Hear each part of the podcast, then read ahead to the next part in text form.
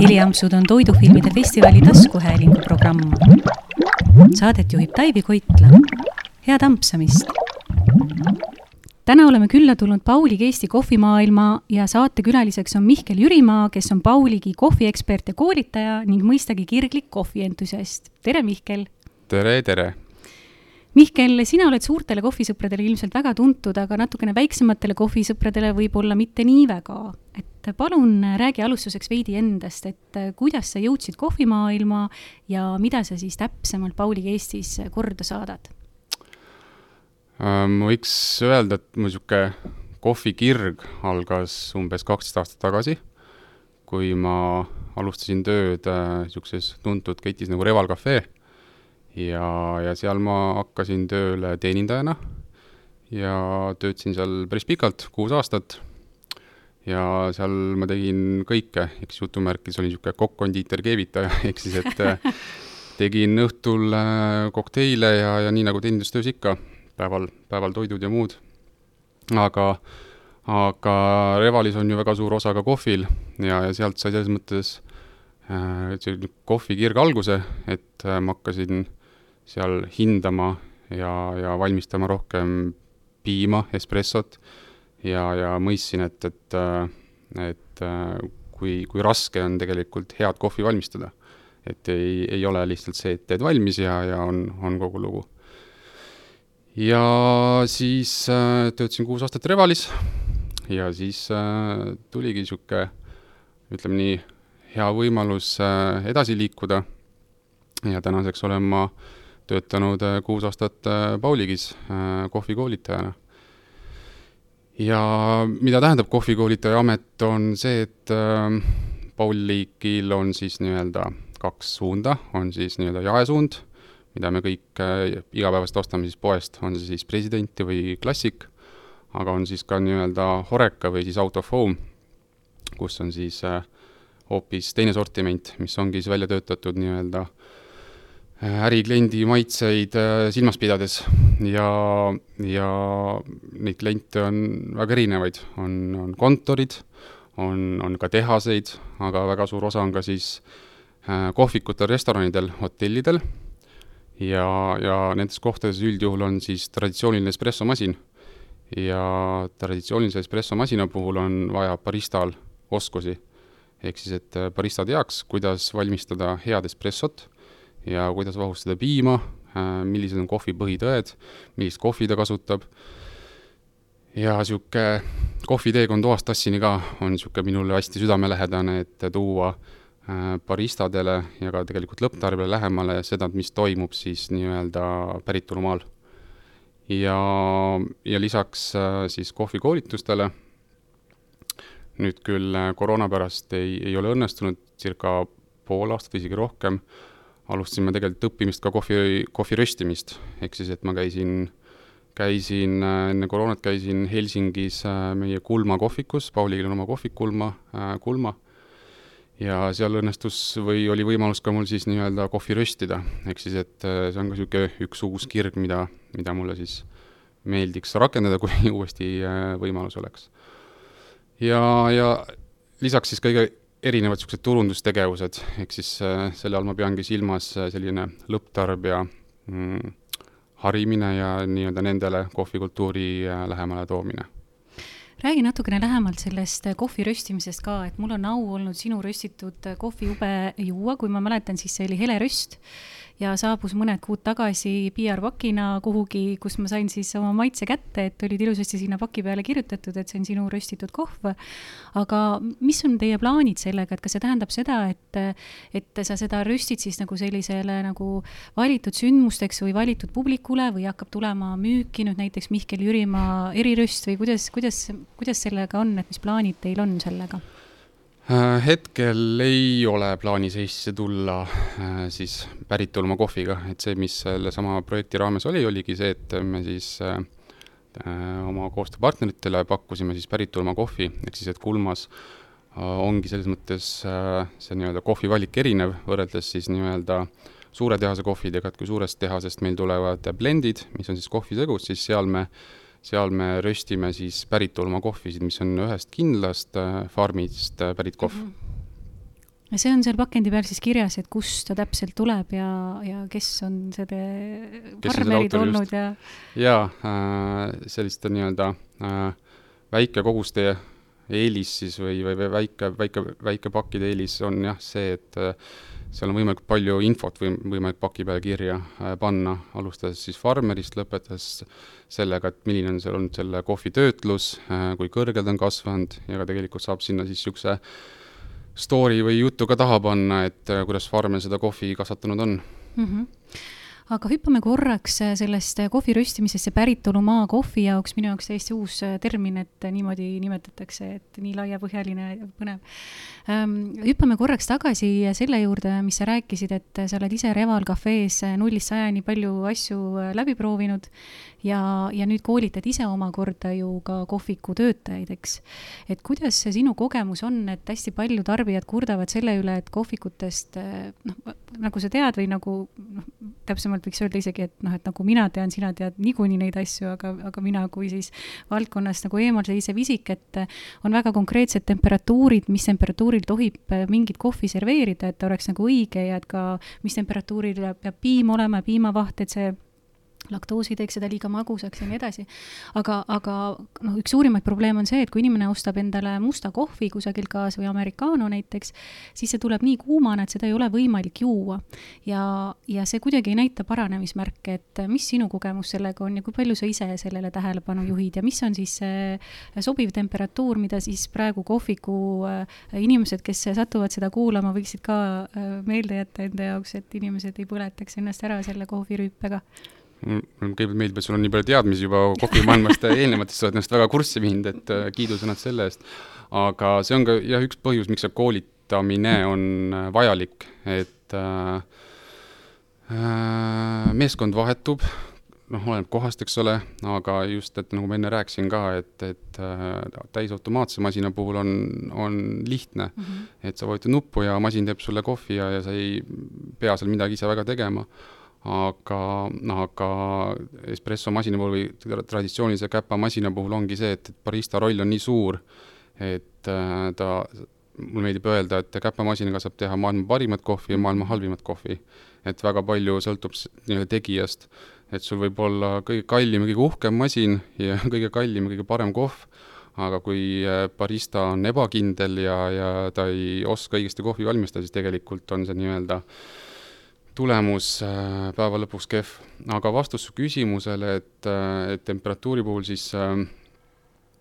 musta kohvi puhul, see nii-öelda käpamasina puhul, noh, see et veetemperatuur on niisugune circa üheksakümmend viis kraadi, mis sellest nii-öelda masinast välja tuleb ja espress- ja americano siis on äh, kuum vesi, mis on siis pikendatud äh, espressoga. et seal ei ole võimalik seda temperatuur, noh, tähendab, võimalik on natuke temperatuuri madalamaks lasta, aga mis juhtub, kui sa lased temperatuuri, no oletame, ma ei tea, kaheksakümne kraadini, et oleks nagu kohe joodav, siis tegelikult äh, musta kohvi puhul ei tule maitsed välja. pigem ütleks, suurem probleem on just piima puhul, mida, mida kiputakse tegema, et hästi oluline on see, et, et äh, nagu sa ise mainisid ka, et seda piima ei lastaks liiga kuumaks, et, et see, see on pigem see, mida ma alati rõhutan, et, et äh, barista, kes kohvi valmistame, et valmistab, et ta jälgiks seda nii-öelda piimatemperatuuri, just ta valmis piimatemperatuuri, et oleks seal circa niisugune kuuskümmend viis kraadi pluss-miinus äh, siia-sinna. Äh, veel äh, kohviku elamustest rääkides, kuidas sina oled, kas sa oled kohvikunsti äh, sõber või ei ole, et paljud äh, professionaalsed kohviinimesed, kui nii võib neid nimetada, äh, panevad pahaks, kui hakatakse karusid või kaelkirjakuid sinna cappuccino peale visandama, sellepärast et selleks hetkeks, kui serveerimine toimub, pole enam kohv õigel temperatuuril tervikuna, et mis sina sellest arvad ka? jah, ma ütlen ausalt, et ma eelistan ka alati inglise keeles niisugune free pouring ehk siis, et niisugune nii-öelda käega valatud äh, kujutis sinna mm -hmm. ehk siis latte art peale, et äh, tahetakse minna mõnikord lihtsama vastassuunaline teed ja võtta siis see hambatikk ja siis hakatakse seal äh, märatsema, joonistada. täpit-, täpitama ja üritama seda parandada. aga see on niisugune hästi, sa lähed nagu lihtsat teed ja sa ei, sa ei taha nii-öelda äh, ennast parandada ja ka tegelikult on see, et see valamine võiks ikkagi tulla siis äh, nii, et, et sul tekib see kujutis sinna ilma, ilma selle hamba, hambatikuta Läheme korraks tagasi selle kohviku kogemuse juurde ka sellest vaatest, et sa küll viitasid, et äh, hästi palju äh, mängib rolli, kes sulle kohvi teeb, äh, milline kohv siis välja kukub, mis on, mis on täitsa arusaadav. ja ma nüüd selle küsimusega ei taha kuidagi juhtida tähelepanu sellele, et kas sina või sinu kolleegid toona võisid olla mitte head kohvivalmistajad, aga lihtsalt inimeste maitsed on ka vahel erinevad, eks. ja ootused kohvile samamoodi. et kui palju sina mäletad sellest ajast, kui sa ise kohvikus otse klientidega kokku puutusid ja kohvi valmistasite siis kogu kollektiiviga, et äh, inimesed saatsid näiteks kohvi tagasi ja ütlesid, et see ei kõlba kuhugi või see on liiga kuum või liiga külm või liiga vähe piima, liiga palju piima, liiga mõru, et, et kui palju selliseid äh, Eestis nagu ette tuleb üldsegi, et kas me oleme pigem nagu sellised leplikud ja nuttes joome äh, mitte rahuldust pakkuvat jooki või ikkagi oleme julgeme tagasiside ka anda, kas see tagasiside siis on olnud pigem adekvaatne või emotsioonilt tulenevalt see ju ka on tegelikult äh, teatav selline frustratsiooni väljaelamise koht paraku mingite inimeste jaoks kohvikus teenindajatega kärkida, kui, kui midagi mitte väga head saabub äh,? hästi oleneb, eks inimesest oleneb mm, -hmm. eestlane, eestlane üldjuhul ei taha väga tagasisidet anda ja kui annab mm, -hmm. siis annab siis, kui on juba koju läinud ja kirjutab Facebooki mm. -hmm. aga alati tegelikult soovitan ise ka sellist otsest tagasisidet, ma soovitan isegi neile, kes koolitusel käivad, kes peavad kohvi tegema, aga samamoodi, kui nad ise lähevad kohvi tellima, et kui nad näevad, et et midagi tehakse valesti, et nad annaks selle tagasiside. Ja see tagasiside ei pea olema selline õel ja, ja halvustav, vaid pigem ma näen, et see eesmärk võiks olla see, et, et parandada seda nii-öelda, selle koha nii-öelda valmista-, valmistamisoskusi mul on endal meeles üks lugu, kus äh, ma käisin äh, äh, mõned aastad tagasi ühes koolis, kus teeninduskoolis siis nii-öelda lõunat söömas ja siis võtsingi seal prooviks cappuccino lihtsalt puhtast huvist, et nägin, oli käpamasin ja, ja, ja, ja tahtsin kohvi proovida. ja see kohv oli väga ebakvaliteetne, ehk siis, et see oli kõik valesti, mis olla sai, noh, ma nägin ka, et kuidas tehti ja, ja ja, ja kohv ei olnud, cappuccino ei olnud see, mis ta olema pidi siis. ja kui ma olin kolleegiga lõuna lõpetanud ja, ja läksin siis nii-öelda maksma, siis ma ütlesin, et, et teate, sõbrad, et et selle kohviga oli halvasti see, see, see ja see ja see ja see, et lugesin siis ette, noh, sest noh, näitena tegid espresso seal kõigepealt äh, väiksesse kannu ja valasid ümber tassi, et noh, täiesti üleliigne liigutus, et miks kohe tassi alla ei panna. ja pluss seal piimavahustamine ka oli näiteks, oli vale ja, ja tagasiside, mis mul, mis mulle öeldi, oli selle peale, et aitäh, et sa meile ütlesid, sest et, äh, et keegi ei pööra kohvile tähelepanu, et me teeme ise oma teadmistega mm., et kui mõni entusiast, noh, a la Youtube'ist vaatab midagi mm, -hmm. et mhm. siis nii palju teab, eks ole, aga, aga kogu lugu, et äh, ühesõnaga, et igal juhul ma soovitan alati seda tagasisidet anda mm. -hmm. et niisugused äh, põhitõed, millest me juba tegelikult natuke rääkisime ka, et, et cappuccino puhul ei tohiks olla see jook tulitav et tegelikult ma, julgen öelda, et see on õigus nii-öelda jooka ikkagi tagastada, sest et piimamaitse muutub nii palju, kui sa oled selle piima keema lasknud ja see ei ole see toode, mille eest sa maksnud oled. et ikkagi barista peaks tegema selle joogi õigesti, nagu ta maitsema peaks. Läheme tagasi selle äh, kohvi röstimise kogemuse juurde, millest sa enne rääkisid. mis seal sinu jaoks äh, pööraselt põnevat oli ja mis sa sealt endaga kaasa võtsid ja kui suure sellise nii-öelda mm, tahtmise sellesse veel rohkem süvitsi minna sinus tekitas, et äh, räägi sellest ka veidi. Ma kõigepealt loodan, et, et mul see jätkub, et see ei ole, see ei ole niisugune lõppenud protsess, aga röstimine ja on ka tegelikult täiesti, täiesti teadus omaette, et äh, lõpp lõpptarbijale või niisugune tavatarbijale võib tunduda, et et mis see kohvi röstimine on, laseb ta pruuniks ja, ja kogu lugu, aga tegelikult noh, kas või näitena, et niisuguseid päritolumaasid, kus kohvi kasvatatakse, on kokku circa kuuskümmend ja sa ei saa iial äh, teha sama röstimisprofiiliga äh, kõiki kohvisid, ehk siis osad kohvijoad on oma tiheduselt äh, suuremad näiteks või on suuremad, nemad tahavad näitena pikemat prot-, äh, röstimisprotsessi, osad vähem, ja, ja et seda nii-öelda kõige paremat lõpptulemust kätte saada, siis äh, üldjuhul tehaksegi kõigepealt niisugune kolm-neli testprofiili, siis cupping on niisugune kohvi Mhm. degusteerimine, et välja selgitada, mis see nii-öelda parim tulemus on, et äh, ühesõnaga hästi, hästi kirju on see nii-öelda röstimismaailm ka ja, hästi palju on õppida, et just äh, teada saada, milline on see nii-öelda kõige parem tulemus selle kohvi puhul. Aga kas seal oli midagi sellist, noh, sa kirjeldasid, et noh, et, et tuleb ikkagi mitu korda siin proovida ühte, teist ja kolmandat, et seda parimat tulemust kätte saada, et kas seal tekkis selline hasart ka nagu golfimängus, et mis nüüd toimub, et miks ma ei saa nagu sellist tulemust kätte, et noh, et, et proovin ja proovin ja kõik teen justkui õigesti, aga ei tule päris jaa, nii välja. absoluutselt, jaa, täiesti, täiesti oli. näiteks ongi, ongi meeles, et äh,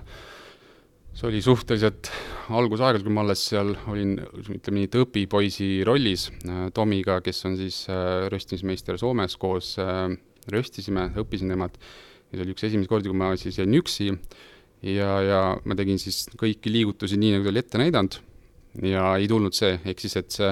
nii-öelda lõpptulemus ajaliselt, noh, toon näite, et pidi olema üheksa minutit ja viisteist sekundit äh, ja, ja temperatuur siis näitena kaks-neli kraadi, aga ei olnud see. ja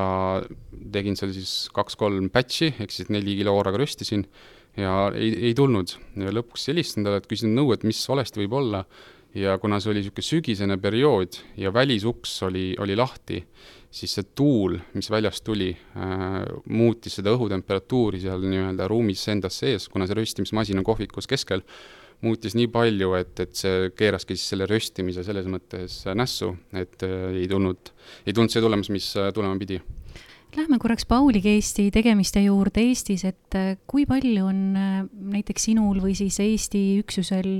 ähm, sellist nõuandvat äh, rolli ja suunamist ja milliseid mm, blende, kui nii võib nimetada, Eesti turule soovitada, et noh, et, et üks asi on muidugi see müügistatistika, mida tehakse, et mis müüb siin ja mis ei müü ja kus piirkond, piirkondades midagi paremini müüb, aga aga kui tekib mingisugune selline endal kindel teadmine, mida võib-olla numbrid pikaajalises vaates ei toeta, et kas siis teil on nagu võimalik ise jõuliselt suunata või kuidas see käib? võid sa sellest üldse rääkida? jaa äh,, absoluutselt, on, on ikkagi sõnaõigust äh, on, ütleme nii. hea näide on siin äh, mõne aja tagune või mõne, mõni aeg tagasi tuli meil turule niisugune toode nagu Cremoso. ja, ja kui meil Cremo-, enne kui Cremoso siis turule tuli, siis saadetigi meile Soomest äh, nii-öelda näidised testimiseks, et äh, kuidas see kohv maitseb. Et ju võiks ju lihtne olla, et Soomes tehakse blend valmis ja, ja hakake müüma. aga esiteks vesi on hästi erinev,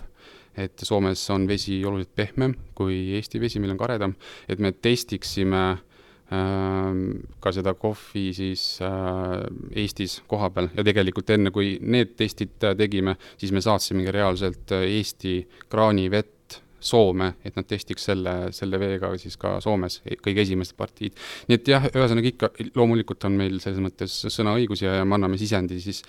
et millist maitse, maitse-eelistust me oma tarbijatelt ootame aga siia tasuks kohe otsa küsida, et mis siis on eestlaste kõige eelistatum kohv Pauligi tootevalikus, et mida siis, millist uba ja millist rösti eelistatakse, et kas sul selle kohta on ka niimoodi mulle kohe puusalt võtta statistikat? äh,? endiselt kõige filterkohvidest on ikkagi kõige müüdavam äh, klassik ja, ja ubadest on siis Arabica sari see, mis äh, siis müüb hästi. ja, ja eestlase niisugune mm, tarbimise eelistus ongi, et kui pakendite peal on niisugune skaala ühest viieni, mis näitab siis seda, kui tume või kui hele on kohviuba siis eestlase maitse-eelistus ikkagi on niisugune keskmine, ehk siis niisugune number kolm on üldjuhul see, mis siis läheb kas siis presskannu või filterkohvi jaoks või siis niisuguse niinimetatud pätikohvi valmistamiseks. Ja kui me räägime espresso valmistamisest, siis seal on see number neli, mis on pigem niisugune kõige rohkem minev Läheme siis Pauligi juurest tagasi sinu, sinu põnevate seikluste juurde, et üsna hiljuti veetsid kuu aega Tansaanias, kui mu luureandmed mind ei peta, ja puutusid sealgi kokku põnevate maitse nüanssidega, nii vürtside kui ka, kui ma õigesti aru sain, ka kohvi kontekstis, et räägi natukene sellest ka lähemalt, et miks sa sinna läksid ja mis sa seal tegid ja mis sa seal kogesid?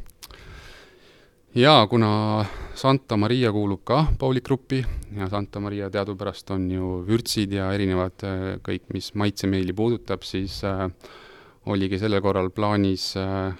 ise kogeda ja, ja infot hankida ka siis nii-öelda vürtside maailmas. ja kuna Zanzibar on, äh, on tuntud siis vürtside kasvatamise poolest,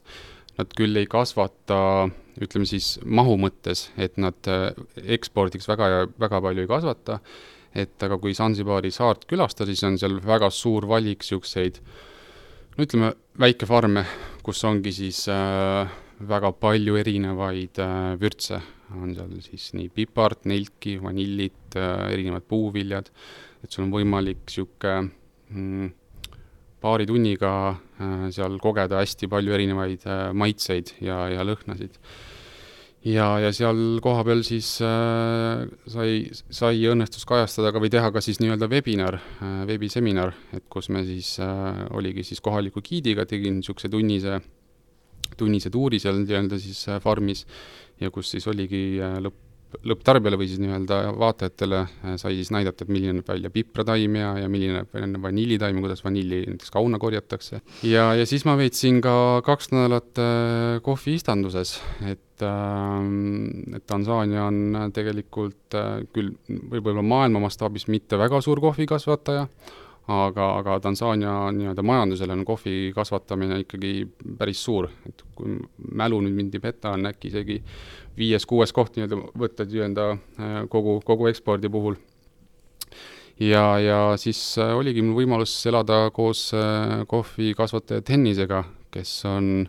seitsmekümne kaheksa aastane kohvikasvataja Tansaanias, Kilimandžaro piirkonnas, kes on tegelenud nelikümmend kolm aastat, kui mu mälu mind ei peta, kohvi kasvatamisega. ja mul oligi võimalus siis näha ja kogeda seda, et milline näeb välja niisugune äh, traditsiooniline väike, väike farmeri igapäevaelu. et äh, Aafrika riikides üldjuhul ongi enamus äh, nii-öelda kohv, mis seal kasvatatakse, tuleb nii-öelda väikefarmeritelt, ehk siis see farmi suurus on niisugune üks, kaks, kolm hektarit, et niisuguseid suuri farme on äh, pigem vähe. kas sa avastasid seal enda jaoks midagi sellist ka, mis sind täiesti rabas äh, nii heas kui halvas mõttes ähm,? heas mõttes mind rabas üks selline huvitav, huvitav kogemus, äh, mis on nüüd vastand selles mõttes nii-öelda väikefarm, farmerile, kus ma igapäevaselt olin, et ma käisin seal äh, väikefarmist, läksin jooksma äh, oma niisuguse nii-öelda jooksutiirule aga ütleme nii, et neid teeotsasid on seal päris palju ja, ja minu plaanitud viie kilomeetri asemel sai viisteist, aga see viieteistkilomeetrine ring lõppes sellega, et äh, ma siis eksisin ära. Ja, ja minu eksi, eksimise tulemusena sattusin ma siis äh, nii suurde kohvi istandusse, et mu silmapiir ei hoomanud, et kust algavad kohvitaimed äh, ja kust lõppevad õnneks mul oli kaasas telefon, mul oli võimalik äh, näha, et kus ma, kus ma asun ja, ja see oli siis Kilimandžaro, siis niisugune oligi kohviistandus ja see istandus oli siis kuuesajal hektaril ja, ja seal istanduses on kokku üks koma kaks miljonit äh, kohvitaime. ehk siis, et kui mu igapäevane mm, elu, see kaks nädalat oli siis niisugune väike farmeri juures, kus oli sada kolmkümmend taime siis ma sattusin äh, istandusse, kus oli üks koma kaks miljonit. ja, ja ma võtsin selle kohaga ühendust, et kas mul on võimalik tulla tuurile ja mind võeti äh, lahkelt vastu ja siis mul õnnestus näha ka niisugust nii-öelda suure farmi poolt, et kuidas äh, seal on elu korraldatud. Ja mis oli põnev fakt, oli see, et kui küsiti, et, et kust ma tulen ja, ja, ja kes, kes ma olen, ja kui kuuldi sõna Paulik, siis öeldi, et Paulik, et jube tuttav ja tuli välja, et me oleme selle nii-öelda suur, suurfarmi, suurfarmist siis äh, kohvi ostnud ka. Hmm.. aga äh, kas miinus, miinuspool või niisugune kurb pool, et, et see, see võib-olla ei ole õige, aga, aga niisugune reaalsus võib-olla oli, on, on see, et äh, et üks asi on see kohvi kasvatamine, aga, aga näitena, et millega kohvikasvataja peabki igapäevaselt tegelema, ongi seesama keskkond seal äh, farmis endas ka. et näitena see väike farm, kus ma kaks nädalat elasin, on äh, merepinnast tuhat seitsesada meetrit äh, kõrgel ja, ja näiteks teed, mis sinna üles farmi viivad, on üsna kehvas seisus. Ja siis üks oluline asi ongi see, et, et äh, näitena, et sel samal ajal, kui ma olin, oli vihmaperioodid ja, ja need teed olid seal üsna kehvas seisus, ehk siis nad peavadki ka siis sellele rõhku pöörama, et kui näitena nüüd juuli, juulikuus jah, hakkab seal esimene saagikoristus, et oleks võimalik sinna äh, pääseda, pääseda, ligi saada, et et see nii-öelda saak sealt äh, ära viia kus sa veel käinud oled ja mida põnevat avastanud ja enda jaoks sel hetkel enneolematut, et on sul need ka meeles? on ikka. Ma olen käinud kolmes siis äh, päritolumaas äh, kohviistanduses ja ma olen väga tänulik Pauligile, et, et Paulik on äh, neid kõiki reise siis äh, toetanud, et ta on võimaldanud mul sinna, sinna minna. Äh, ja minu kõige esimene päritolumaa reis oligi nüüd siis äh, kolm aastat tagasi, kui äh, mul õnnestus minna Costa Ricale äh, kohviistandusse, siis Pauli kohviistandusse, kus ma sain sellise ütleme nii, et esimese sellise elamuse sellest päritolumaast ja seal, sealt, sealt tekkis ka mul see nii-öelda huvi või soov seda nii-öelda päritolumaa elu veel rohkem kogeda, sest et see Costa Rica reis oli, oli selline lühem ja, ja hästi palju infot oli seal, aga pärast seda Costa Rica reisi oligi mul äh, soov endal minna uuesti äh, päritolumaale ja olla pikemalt ja, ja veel rohkem kogeda.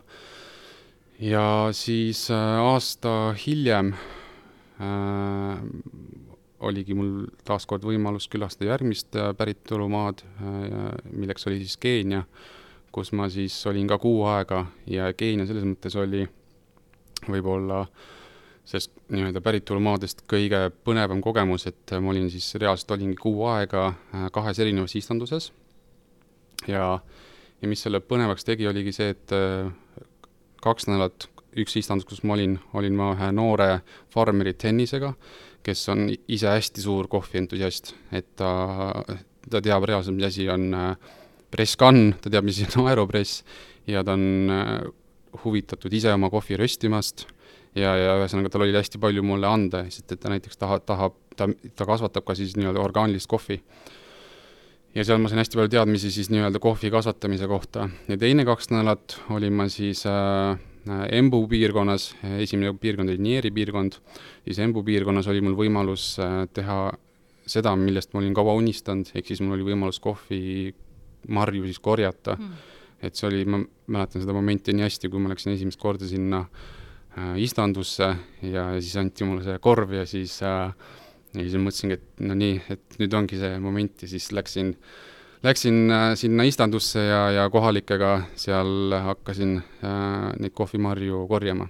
ja siis oli võimalus ka seda nii-öelda kohvitöötlust seal kohapeal näha, et kuidas see siis järgneb sellele. nüüd sellel aastal, kuu, kuu aega tagasi oli, oli siis Tansaania võimalus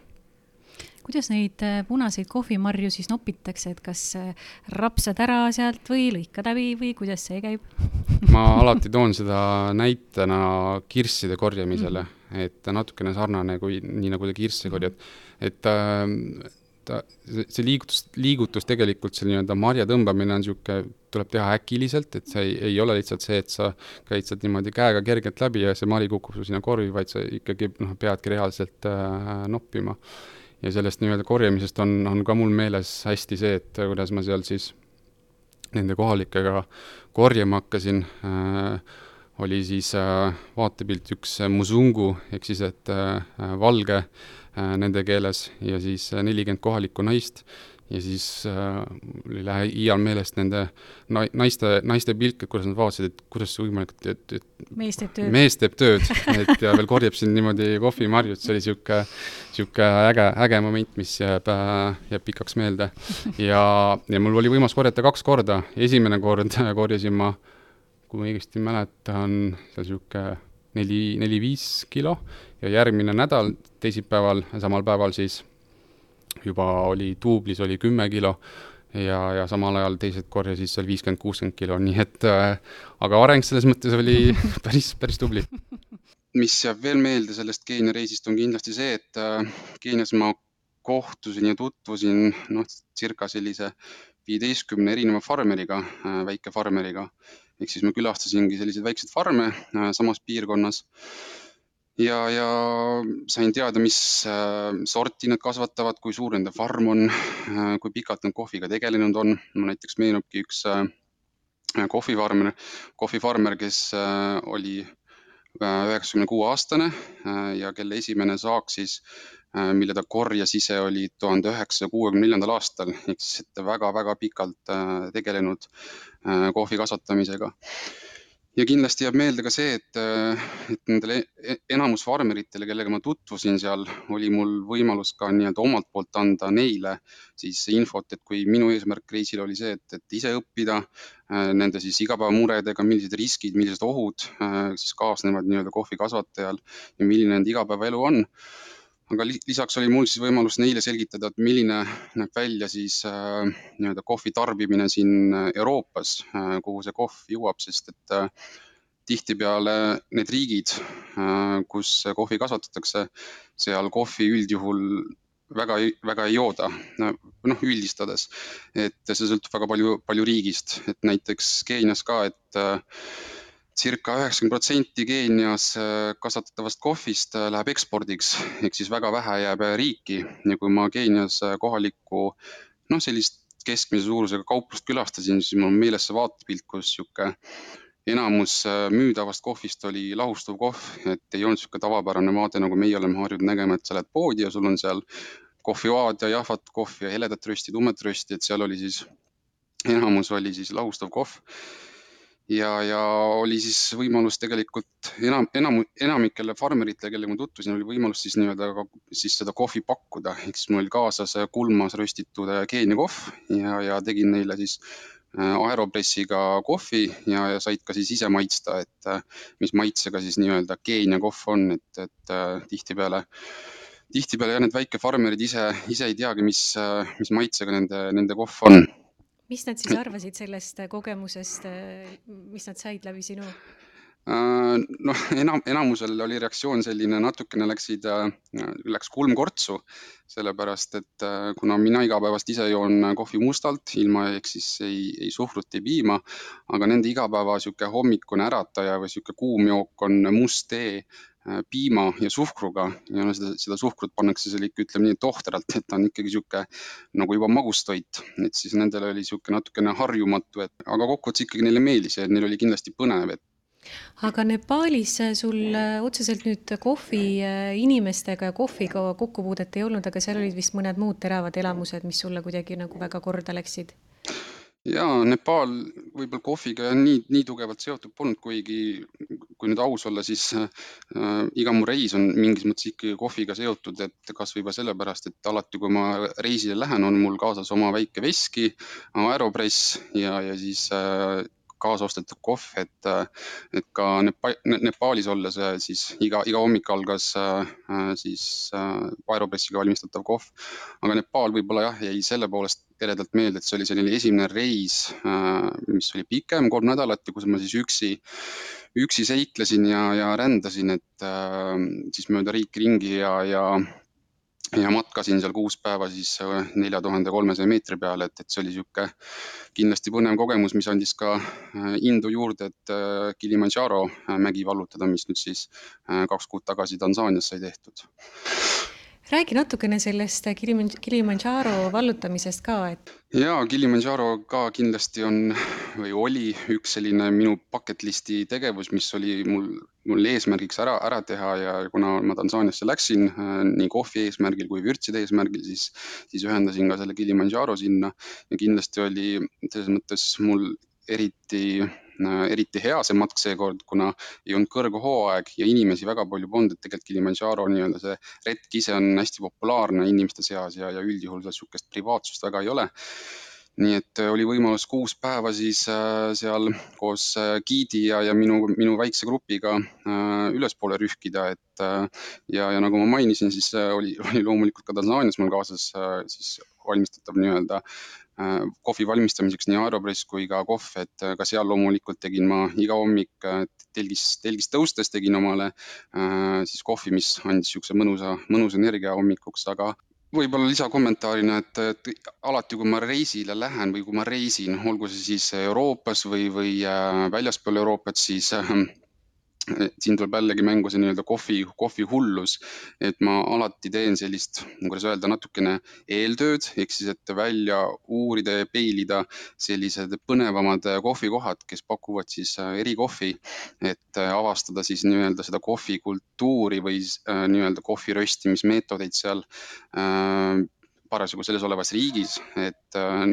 et alati ongi, et olgu see siis nii-öelda Euroopa mõni, mõni suurlinn, et, et alati otsin välja just need erikohvikohad, mis võivad olla isegi kesklinnast veidi eemal, aga eesmärk on just sinna koha peale minna, rääkida baristadega juttu, küsida, et milline on nii-öelda Äh, inimeste tarbimisharjumused, et kas nad pigem eelistavad siin äh, masinaga kohvi ehk siis espresso baasil jooke, nii nagu siin Eestis meil enamasti on, või, või on näiteks seal filterkohvi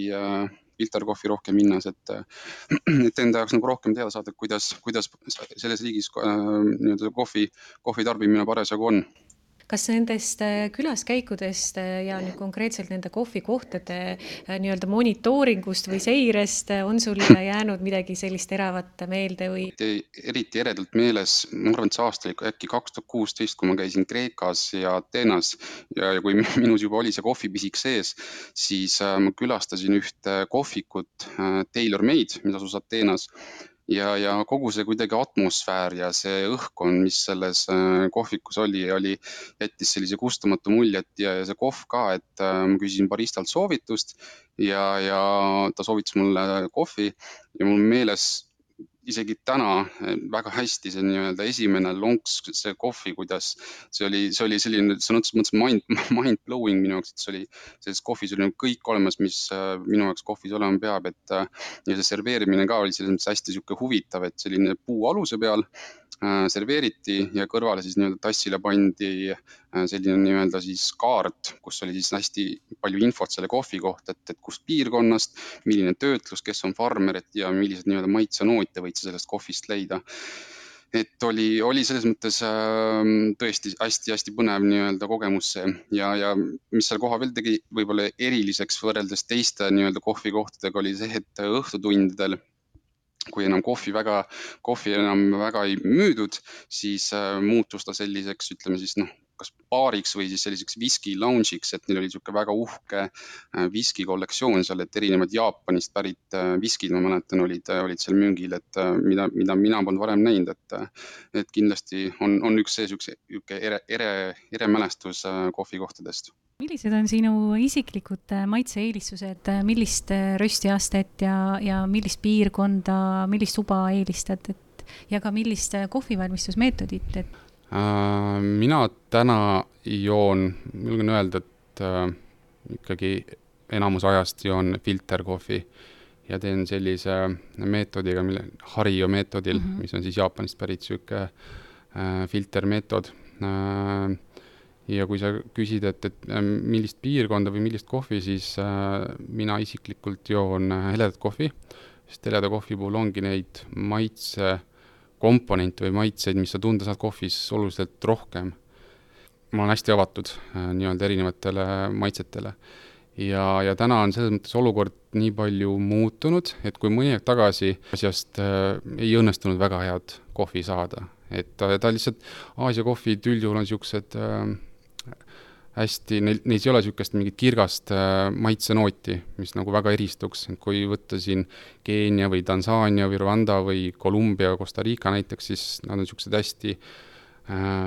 hästi tugevad ja niisugused äh, maitset on neis hästi palju äh, heas mõttes. aga, aga täna on nii, et näiteks Myanmarist äh,, Aasiast tuleb äh,, olen põnevaid kohvisid saanud äh,, proovinud äh, ja, ja viimane avastus äh, mõni aeg tagasi koos Barista Instituudi teiste koolitajatega õnnestus äh, meil äh, proovida Hiinast pärit kohvi ja mis oli tõesti väga hea ja väga huvitav, et kohvimaailm selles mõttes muutub ja et, et riigid, mis veel mõni aeg tagasi võib-olla ei olnud nii eesrindlikud ja ei olnud nii tuntud, siis tegelikult täna, täna saab noh, põhimõtteliselt igalt poolt ikkagi sa leiad midagi, mis on väga põnev laiatarbe kohvimüügis nii-öelda on siis väga selgelt määratletud äh, kohvipaki peal, mille, millisel valmistamismeetodile see ostetud kohv kõige paremini sobib mm. -hmm kas ja kui suur on siis äh, reaalselt see mm, maitsekogemus, et kui ma tõesti ostan nüüd selle filtri äh,, filtrikohvina mõeldud äh, kohvi, seal on vist jahvatusaste erinev, eks mm. -hmm, äh, ja teen seda näiteks espresso masinas, et mis siis, millest ma siis ilma jään või mida ma nagu juurde saan äh,? no kui me räägime esiteks valmis jahvatatud kohvist, siis äh, ongi, on sul variant, et kas ta on äh, siis nii-öelda in-cup ehk siis rahvakeeli pätikohvi valmistamiseks või on presskannu valmistamiseks. presskannu puhul see nii-öelda jahvatuse aste või see puru tihedus on oluliselt suurem ja, ja kohv natukene pehmem, et kui sa ikkagi teed peenikese jahv-, jahvatusega äh, presskannuga kohvi, siis äh, ta muudab selle kohvi selliseks mõrkjaks ja, ja natukene õliseks ja, ja ongi, teeb niisuguseks võib-olla kibedaks isegi. ja, ja samas Äh, vastupidi, kui sa näiteks presskannu kohvi kasutad nii-öelda äh, siis äh, tassi põhja, siis ta võib jääda näiteks jällegi liiga vesine, et ei tule sellest nii-öelda suurematest kohviosakestest, ei tule siis see nii-öelda maitse korralikult äh, välja aga mida need õnnetud hinged peavad tegema, kellel on kodus äh, selline kohvijahvatusmasin, on need manuaalsed, eks mm, -hmm. ja siis on osad sellised, kus, kus sa hoiadki nuppu all ja siis ta muudkui jahvatab, aga sa ei saa reguleerida seda jahvatuse astet, et äh, mis siis nende õnnetud, õnnetud inimestega teha, et millist kohvi nad peaksid siis jooma, et äh,? raske soovitada, siin, siin on, siin on see, et, et mis maitse-eelistus on, aga, aga noh, kui ajada ütleme siis juuksekarv lõhki, siis jah, ideaalne maailm on see, et kus on veski, kus on võimalik muuta erinevaid jahvatusastmeid, et see nii-öelda pealesurumise veski miinuseks ongi see, et, et see kohvipuru jääb ebaühtlane, et äh, osad kohviosakesed on suuremad, teised on nagu väiksemad ja see nagu päeva lõpuks mõjutab su enda seda kohvinaudingut mm, -hmm. et ta on erineva jahvatusastmega. ja, ja seal ongi oht see, et kui sa noh, jahvatad, ma ei tea, näitena kolm sekundit liiga kaua, et siis sa juba jahvatad ta natukene liiga tolmuks või liiga peenikeseks. et selles mõttes selle nii-öelda manuaalse jahvatit, kus sa peale surud, sellel, selle puhul ongi see jah, et sa ei tea iial, et kui, kui, kui õige sul see jahvatusaste on mida sa siis nendele äh, õnnetutele kodukasutajatele soovitaksid, kes äh, enda teades jahvatavad ise endale manuaalsel meetodil kohvi, äh, teadmata, et nad ei suuda kontrollida seda kohvi jahvatusastet, et mida siis neile pigem soovitada endale soetada, et saada seda kohvi naudingut, mille pärast nad tegelikult seda manuaalset jahvatamist üldse alg-, algselt hakkasid tegema mm? -hmm. no niisugune hästi kindla peale minek on automaatne veski ja, ja näiteks Vilfa on üks tootja, kes teebki niisugune kodu kasutamiseks mõeldud äh, veskeid ka. Ja, ja see niisugune kõige lihtsam veski maksab neil suurusjärk üheksakümmend eurot, noh, mis ei ole küll nüüd väga odav, eks ole, aga samas ma tahaks öelda, et kui ta on ikkagi sul igapäevaselt kasutuses ja, ja ta kestab ka, sest et mul endal sama, sama veski on, siis äh, teeb ta oma töö väga hästi ära ja seal ongi reaalselt võimalus sul muuta siis äh, nii-öelda presskannust kuni siis äh, mokakannu valmistamise seda jahvatusastet ähm,. räägime natukene nendest kohvimüütidest ka, millele sa enne tähelepanu pöörasid, et ähm, mis, mis need kõige levinumad müüdid on, mis sinu kõrvu on jõudnud ja mida sa tahaksid kummutama hakata? et arvatakse, et äh, et kui ma joon espresso ära, siis on energiat mul küll ja rohkem veel aga tegelikult äh, või tegelikkus on siis see, et ühe espresso mõju su kehale on circa selline nelikümmend viis minutit, et äh, no jälle sõltub, eks ole, et kõigest, et äh, palju sa söönud oled ja, ja, ja kõigest, kõik, kõikidest muudest, muudest teguritest. tihtipeale arvatakse, et selline kohv nagu kohviluvak, mis on siis see nii-öelda, mis kassi mm -hmm. seede, seedest läbi käib, siis arvatakse, et, et et, äh, et see kohv on maailma parim kohv, kuna selle kohvi hind on kõrge mm. -hmm. aga tegelikult äh, no julgen ikkagi öelda, et see ei, see ei, see ei ole maailma parim kohv, et noh, okei okay,, võib-olla vaieldav, et, et jälle maitse küsimus, eks ole, aga, aga tegelikult selles kohvis endas, noh, tas ei ole maitseomadusi nii palju äh, kui ma ei tea, näitena mõnes Etioopia või Keenia kohvis. Ja teine asi selle nii-öelda kohviluvaki puhul on, on ka see, et et äh, üldjuhul tuleb see kohv juba röstitud kujul, äh, siis ja, ja, ja ta säilitatakse siis niisuguses läbipaistvas kilepakendis, et tegelikult kui ta siia nüüd koha peale nüüd lõpuks jõuab, siis noh, ta ei, ta ei ole enam see, mis ta olema peaks, et ta maitseomadusi. praegu on väljas mõnus troopiline suvi ja,